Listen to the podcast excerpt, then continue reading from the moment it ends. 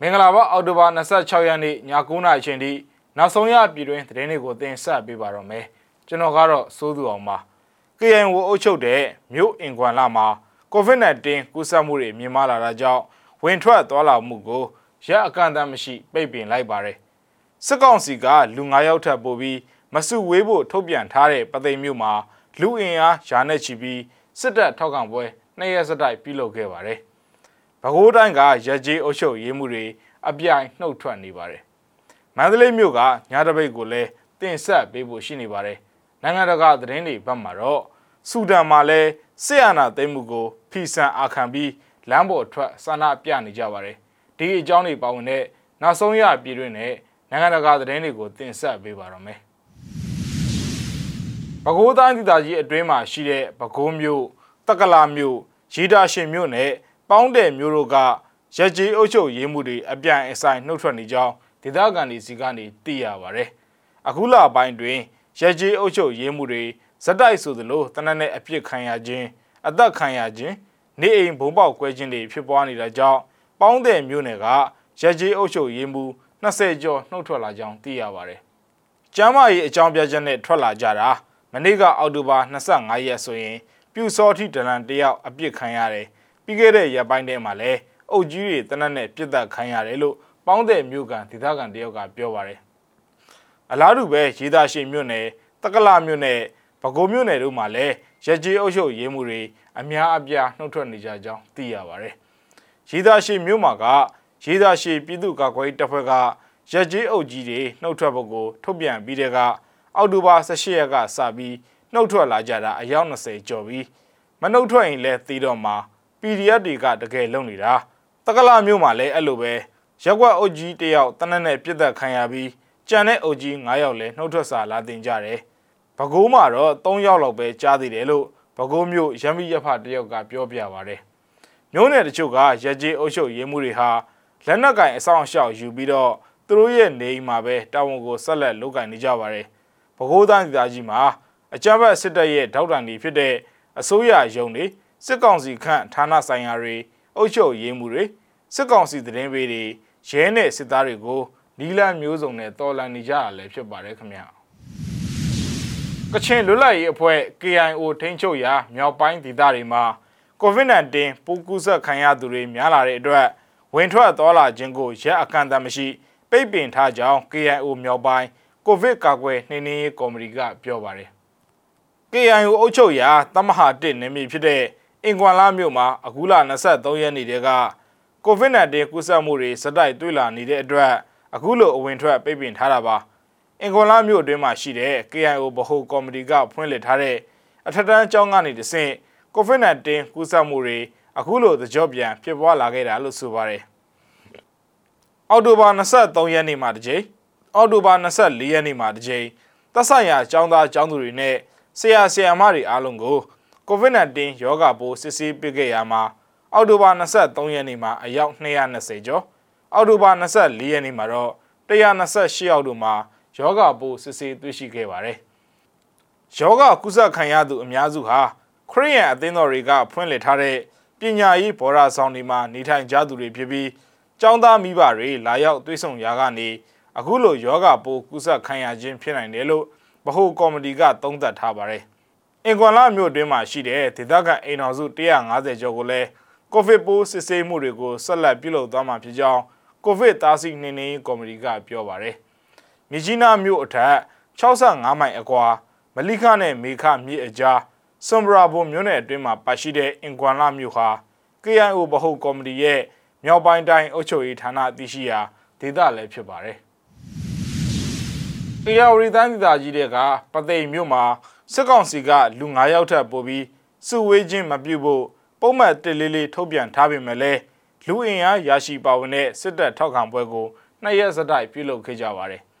။ပသိမ်မျိုးကန်တာယာကွင်းနဲ့ဟစ်တိုင်ကွင်းအတွင်းမှာအောက်တိုဘာ25ရက်နေ့ညနေပိုင်းနဲ့26ရက်နေ့ညနေပိုင်းအချိန်ဒီမှာစစ်တပ်ထောက်ခံပွဲပြုလုပ်ခဲ့ကြတာပါ။စစ်သားနဲ့ရဲတွေကလည်းစစ်တပ်ထောက်ခံပွဲလုပ်တဲ့သူတွေကိုလက်နက်အပြည့်အစုံနဲ့လုံခြုံရေးယူပေးထားတယ်။ တသက်လူပါဝါပြနေတာဆိုပြီးဒေသခံတယောက်ကပြောပါတယ်။စက်ကောင်စီကပုံမှန်တလေးလေးကိုပသိမ်မြို့မှာအောက်တိုဘာ15ရက်နေ့ကထုတ်ပြန်ခဲ့တာပါစစ်တပ်ကမတရားအာဏာသိမ်းယူပြီးနောက်ပိုင်းအာဏာရှင်ကိုအလိုမရှိကြောင်းပြသတဲ့ဆန္ဒပြပွဲတွေကိုတနိုင်ငံလုံးအတိုင်းအတာနဲ့ပြုလုပ်ခဲ့စဉ်ကပြည်သူတွေကိုအကြမ်းဖက်ပစ်ခတ်ဖမ်းဆီးမှုတွေပြုလုပ်ခဲ့တာပါအခုလက်ရှိပသိမ်မြို့မှာပြုလုပ်ခဲ့တဲ့စစ်တပ်ထောက်ခံပွဲတွေမှာတော့စစ်သားနဲ့ရဲတွေကိုယ်တိုင် လုံခြုံရေးရယူပေးထားခဲ့တာလည်းဖြစ်ပါတယ်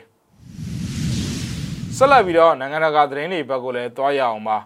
ဆူဒန်နိုင်ငံမှာဆီယနာသိမ်းမှုကိုဆန့်ကျင်ပြီးအင်္ဂါနေ့မနက်အစောပိုင်းမှာပြည်သူတွေဟာလမ်းပေါ်ထွက်ဆန္ဒပြကြပါတယ်နိုင်ငံတကာကလည်းဆူဒန်ရဲ့လုံခြုံရေးတပ်ဖွဲ့တွေကိုရှုတ်ချပြစ်တင်ပြီးတော့ကုလသမဂ္ဂလုံခြုံရေးကောင်စီမှာဆူဒန်အာဏာသိမ်းမှုအရေးနောက်ပိုင်းဆွေးနွေးသွားဖို့ရှိပါတယ်အတိတ်ကိုခြေဦးပြန်လဲတာဟာရွေးချယ်စရာမဟုတ်ပါဘူးလို့ လူအုပ်ကကြွေးကြော်ပါတယ်စစ်သားတွေကအစောပိုင်းမှာပြစ်ခတ်တာကြောင့်လူ၃ယောက်တေဆုံးတယ်လို့သိရပေမဲ့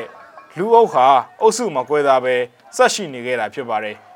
ဝင်ကြီးချုပ်အဗ်ဒဲလာဟမ်ဒေါနဲ့သူ့ရဲ့အစိုးရအဖွဲ့အတွင်းကဝင်ကြီးတွေအာဏာရပါတီကအယက်သားအဖွဲ့ဝင်တွေကိုစစ်သားတွေကတနင်္လာနေ့မှာဖမ်းဆီးထိန်းသိမ်းခဲ့ပါတယ်အာနာရှင်အိုမာအယ်ဘာရှာကို2019ခုနှစ်ဧပြီလအတွင်းကဖြုတ်ချခဲ့ပြီးတဲ့နောက် အရက်သားအပြည့်အဝအုပ်ချုပ်ရေးစီကိုကူပြောင်းရေးအာဏာရကောင်စီကဦးစီးဦးဆောင်ပြုနေခြင်းမှာပဲဖြစ်ပါတယ်။ဝန်ကြီးချုပ်နဲ့အဖွဲ့ကိုဖမ်းဆီးပြီးတဲ့နောက်အရေးပေါ်အခြေအနေကြီးညာပြီးအစိုးရကိုဖျက်သိမ်းကြောင်းကြီးညာလိုက်တာကြောင့်ဆူဒန်ရဲ့အတွင်ကူပြောင်းရေးမှာအဓိကကြောထောက်နောက်ခံဖြစ်တဲ့အမေရိကန်နဲ့အတူနိုင်ငံတကာကချက်ချင်းပြစ်တင်ပြောဆိုကြပါတယ်။စစ်တပ်ရဲ့အခုလိုလုပ်ရက်တွေကိုပြင်းပြင်းထန်ထန်ရှုံချကြပြီး အခုအညီဒေါ်လာတန်ပေါင်းများစွာကိုလည်းရပ်ဆိုင်းလိုက်ကြပါတယ်။ဝန်ကြီးချုပ်ဟမ်ဒေါ့ကိုချက်ချင်းလှုပ်ပေးဖို့ကုလသမဂ္ဂကတောင်းဆိုပြီးတော့ဆူဒန်အရေးကိုအင်ကာနေ့နောက်ပိုင်းမှာလုံခြုံရေးကောင်စီအစည်းအဝေးကြမယ်လို့နယူးယောက်ကတန်သမန်တွေက AFP ကိုပြောပါတယ်။တရင်းနာနေကအရေးပေါ်အခြေအနေကြီးညာရေးဆူဒန်ထိပ်တန်းဗိုလ်ချုပ်ကြီးအဗ်ဒဲဖာတက်ရှ်အဘာဟန်ကစစ်တပ်ဟာတော်လိုင်းလမ်းကြောင်းမှာပြုပြင်ပြင်ဆင်ရေးတွေအတွက် အရေးယူလှုံ့ဆော်ခဲ့တာဖြစ်တယ်လို့ပြောလာခဲ့ပါတယ်။နိုင်ငံအနှံ့မှာလည်းအင်တာနက်ကိုဖျက်တောက်ထားပြီးမြို့တော်ခါတွန်စီအဝင်လမ်းတွေကိုလည်းပိတ်ပင်ထားပါတယ်။အဲ့နောက်မှာတော့စစ်သားတွေဟာမြို့တော်မှာရှိတဲ့နိုင်ငံပိုင်ရုပ်သံဌာနချုပ်ကိုဝင်ရောက်စီးနင်းခဲ့ပါတယ်။ဗိုလ်ချုပ်ကြီးဘာဟမ်ရဲ့မေကွန်းပြောဆိုမှုအပြီးမှာမြို့တော်မှာထိတ်တိုက်ပြိပခါတွေဆက်လက်ဖြစ်ပွားနေစေပဲဖြစ်ပါတယ်။အရသာအုပ်ချုပ်ရေးကပြည်သူတွေရဲ့ရွေးချယ်မှုပဲဆိုပြီးအလံတွေဝှင့်ရရင်နဲ့ ဆန္ဒပြပြည်သူတွေကကြွေးကြော်နေကြသလိုမီးလောင်ရာအသားအဆီးတွေအဖြစ်ကားသားရာတွေကိုလည်းမီးရှို့ကြပါတယ်စစ်တပ်ဌာနချုပ်အပြင်ဘက်ကဆန္ဒပြသူတွေကိုကြည်အစ်စ်နဲ့စစ်သားတွေကပြစ်ခတ်ကြောင်းပြန်ကြားရေးဝန်ကြီးဌာနကထုတ်ပြန်ပါတယ်စူဒန်ဆရာဝန်တွေဗဟုကော်မတီရဆန္ဒပြသူ3ယောက်တေဆုံးပြီး80နီးပါးထိခိုက်ဒဏ်ရာရရှိခဲ့ကြောင်းသိရပါတယ်ခင်ဗျာ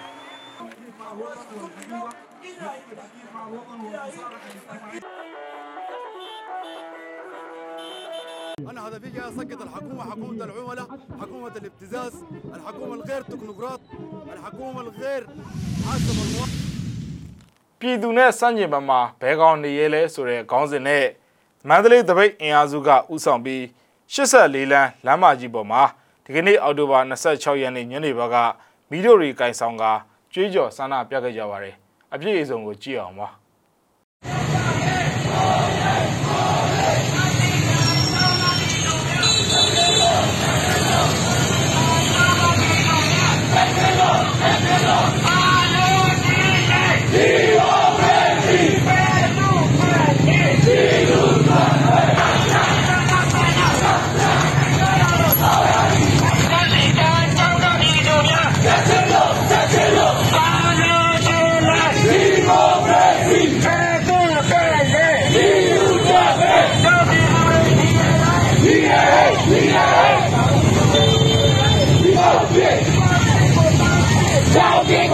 ရ